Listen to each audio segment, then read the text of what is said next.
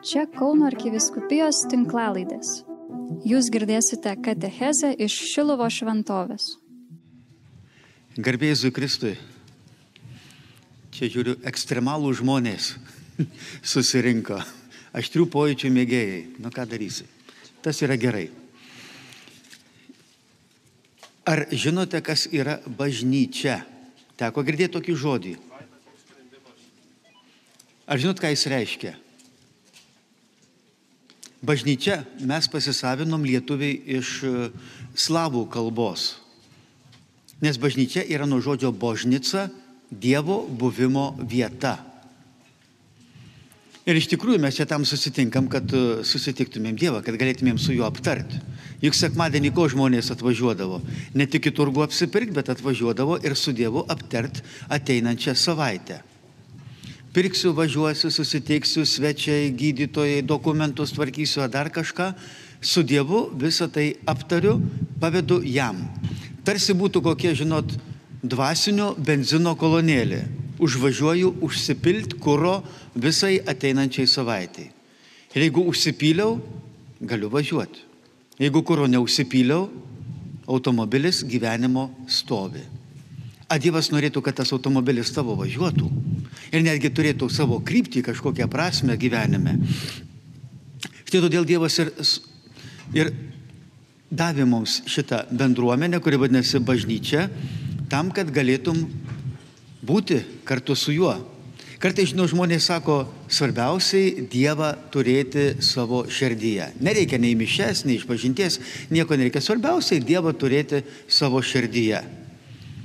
Pažįstu vaiką, kurio mama išvažiavusi į Angliją jau septyni metai ir vos ne kas antrą dieną jam paskambina iš Anglijos, o vaikas globos namuose Raseinuose. Svarbiausiai savo sūnų turėti širdyje, ar ne? Bet vaikas čia Lietuvoje, globos namuose, Raseinuose, o jinai Anglijoje. Ten su kažkokiu vyruku gyvena, smaginasi, dirba ir visa kita. Ar čia tikrai vaikas širdyje? Vaikui gal reikia mamos apkabinimo? Apkamšymo prieš miegą. Gal reikėtų, kad išklausytų jo baimės, jo skausmus, jo svajones ir taip toliau. Juk mes irgi renkamės tam, kad galėtumėm pasidalinti, kaip vienas iš mūsų maldos grupės sako, sako, kaip čia yra, sako, susitinku su giminėm, tai turiu kažką vaidinti, sako, tokie pokalbiai blankus, neįdomus, nebent kai užgeri gerai, va tada jau kažką gali pasakyti. O sako, čia atinu į maldos grupę, Čia galiu išsipasakot, galiu nebijot būti savimi, galiu juokaut, galiu pokštaut. Ir mane sako, visi priima. Ir tie su kreivom nosim, raudonom įsprogusiom kraujagyslėm, alkoholikai, narkomanai ir visokie kitokie. Ir tie e, verslininkai, milijonieriai. Ir sako, šitie visi, sako tikrai tų žodžių prasme kaip broliai ir seserys. Ir, ir pasirodo, iš tiesų, kiekvienam iš mūsų, e, netgi filosofai sako, kad žmogus negali egzistuoti pats vienas savo. Jeigu tave uždarytų į kokią negyvenamą salą, tai jau po kokios pusės metų jinai jau taptų gyvenama. Kitaip sakant, išprotėtum. Ir jaustumės kaip didmiesti - Paryžius, Helsinkis ar dar kažkoks. Išprotėtum. Be kito žmogaus tiesiog negali būti. Tiem, kurie ilgiau pabūna kalėjimuose, jų netgi psichika pavažiuoja. Arba gali netgi žmogus išprotėti. Man būtinai reikia kito žmogaus, kad galėčiau suvokti, kas aš esu, koks aš esu. Tai yra tiesiog būtina. Dėl to mes, kai tik tai susitinkam, kas su kažkuo iš karto dalinamės, klausom. Tuo, ką turim geriausio, dalinamės su kitais žmonėmis, kad galėtų ir kitas mumis pasidžiaugti. Ir tada esam gyvi. Jeigu ne, Kaip Dievas sukūrė žmogų, pasakė, vienam būti yra negera. Žmogui vienam būti negera. Vienas akademikas, žydų akademikas, buvo Dachau koncentracijos stovykloje. Ir jis galvoja, kad jo išsilavinimas, jo žinios, jo intelektas, visa kita jam padės atlaikyti visą šitą siaubą. Jis net laikė. Ir jis paskui liudijo, sako, sako, kas atlaikė, Ava sako, tie paprasti žmogeliukai. Valytojos, vyrėjai, ten ir visokie kitokie, mechanikai, kiemsargiai. Šitie atlaikė. Ir kaip jie atlaikė? Ogi labai paprastai. Jie tiesiog susirinkdavo, būdavo kartu, dalindavosi, guosdavo vienas kitą, slaugydavo, džiaugdavosi galų gale, melsdavosi kartu. Viena moteriškė čia prieš gal kokius septynis metus, ten koplyčiai irgi prie jų sako, sako, žinai, iš Sibiro grįžom tie, kurie kartu melsdavomės, rarotos, gegužinės, birželinės, e, e, graudus verksmai, dar kažkas sako, bet šitie, sako, atlaikėm. Ir dalindavomės, gaudavom siuntinius, dalindavomės bendrai. Kaip Jūs manot, kuo krikščionybė skiriasi nuo visų kitų religijų? Ar galėtumėte atsakyti kam nors į tokį klausimą? Kuo? Kuo jinai yra išskirtinė, kuo jinai kitokia? negu visos kitos pagoniškos religijos. Ar sugalvotumėt? Bendrystė. Manot, kad pagonys nebendrauja? O, net intimiai moka bendrauti.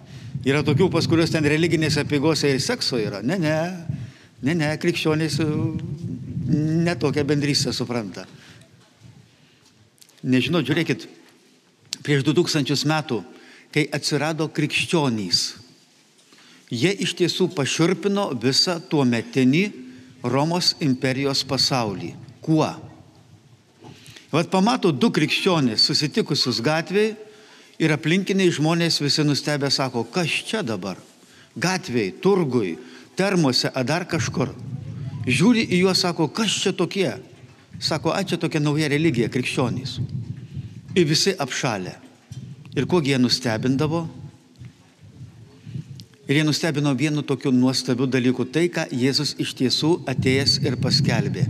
Ar žinot, kokią Jėzus išmokė maldą? Alio, yra gyvų. Va, čia visa esmė. Sako, kreipsiesi į Dievą, ką sakyk, mes lietuviai neteisingai išsivertėm šitą tėvę mūsų maldą. Tėve mūsų, kuris esi danguje, jau dvi klaidos. Ne tėve, tėti. Tėvelį, tėvuk, tėveliu, kaip nori. Mažybinis žodelis. Ne danguje, danguose daugis kaita. Ir pasirodo, jeigu visi kreipiamės į Dievą tėti, tai kas mes esam? Broliai ir seserys. Va čia visas skirtumas. Kurioje kurio religijoje yra taip, kad į Dievą kreipiesi tėti. Nėra tokių religijų. Yra tik tais mūsų šita. Ir ko paširpino tie krikščionys, o krikščionys to ir paširpino, kad pamatai kokią nors rūmų damą, kokią imperatoriaus seserį, ir jinai susitinka su vergu ir ką daro? Jo majo, apsikabina, įsivaizduojat? Apsikabina, pasibučiuoja, susėda ir valgo visokias datulės, vynogės graužia, daskiestą vyną geria. Kartu, kur vergui nebuvo galima pažvelgti į akis.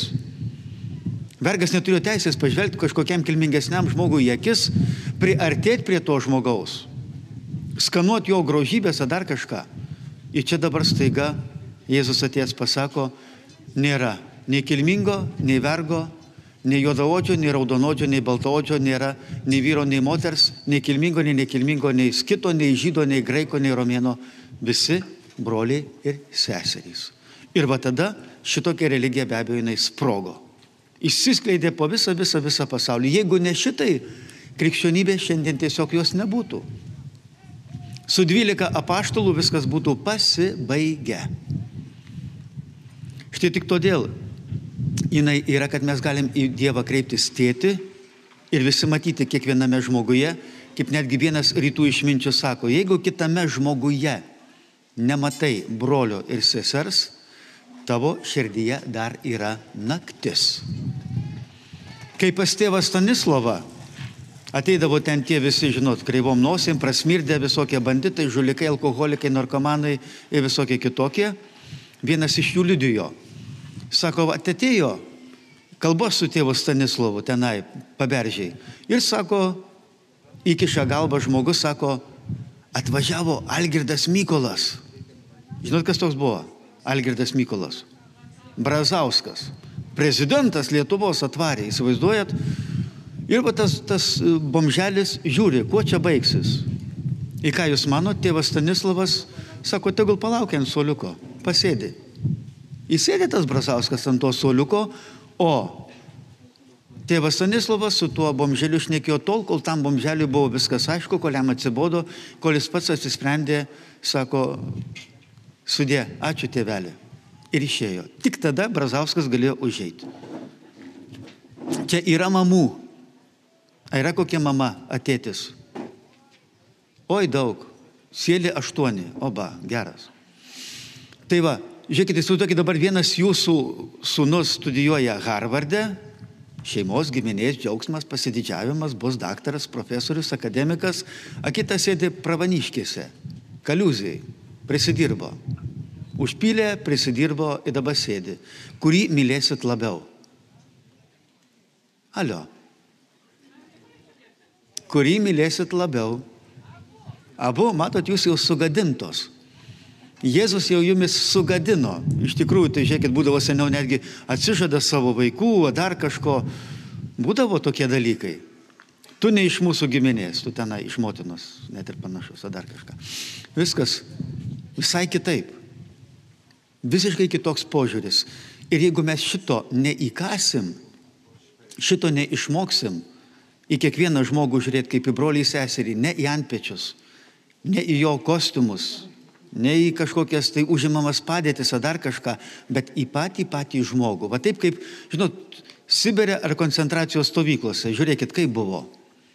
Ten visų Sibirė kaip? Fufaikės, vatiniais kelnės ir kerzovi batai. Ar tu profesorius, ar tu kaminkretys, visų drabužėliai vienodi. Koncentracijos stovyklose kaip būdavo, visų kostiumai kokie dryžuoti, vertikaliai. Ir tada kas lieka? Lieka žmogus. Va toks, koks jis yra ten viduj. Jau be jokių pareigybių. Tada pasirodo, kaip jis sugeba mylėti, kaip atleisti, kaip priimti, kaip dalintis, kaip užjaust, kaip sugeba apkabinti. Aš asmeniškai šito dalyko išmokau iš neįgalių žmonių. Jie galbūt neįgalūs protu, bet jie labai įgalūs širdimi. Jiem prieiti apsikabinti ir pasakyti, nuostabus, aš tave myliu, yra lengva. O man su dviem aukštaisiais yra sunku. Tai kas yra neįgalus? Ar tas žmogus, ar aš? Bet klausimas toks gaunas. Ir ko gero aš gavau atsakymą, kad neįgalus pasirodo esu aš. Ačiū Dievui teko pakankamai bendrauti, išmokė. Išmokė, kaip reikia apsikabinti, kaip reikia atleisti, kaip reikia mylėti, kaip išmokti dalintis. Štai čia bažnyčia tam ir yra. Bažnyčia yra šeima. Ir kaip vienas psichologas pasakė, sako iš tiesų, ką duoda bažnyčia? Bažnyčia duoda saugumą, ramybę ir pasitikėjimą. Tu gali nebijoti būti savimi. Susirandi bendruomenę, kurioje galėtum nebijoti būti savimi. Ir dalintis. Ir skausmu, ir džiaugsmu. Dievas tam ir subūrė šeimą. Tam ir mes turim šeimas, kad galėtumėm turėti tą saugumą.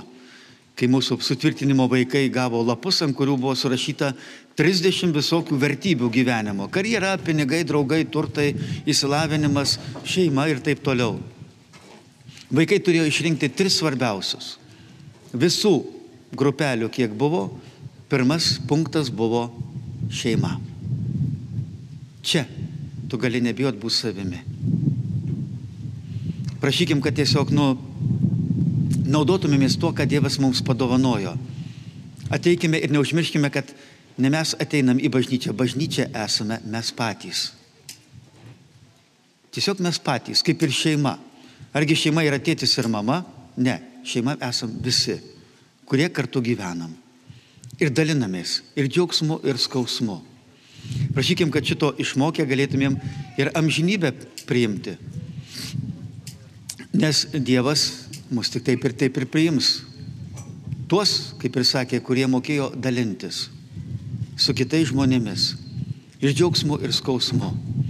Tai prašykim, kad Dievas mūsų šito išmokytum ir kad galėtumėm būti tie bažnyčios nariai, kurie vadinasi Dievo vaikai. Oi, amen. Reikia užteks, nes vada čia turi choras kažką gražiai pagėdoti.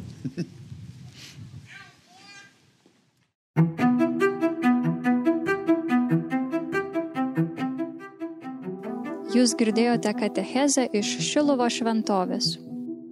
Čia Kauno arkiviskupijos tinklalaidės. Sekite mus ir prenumeruokite.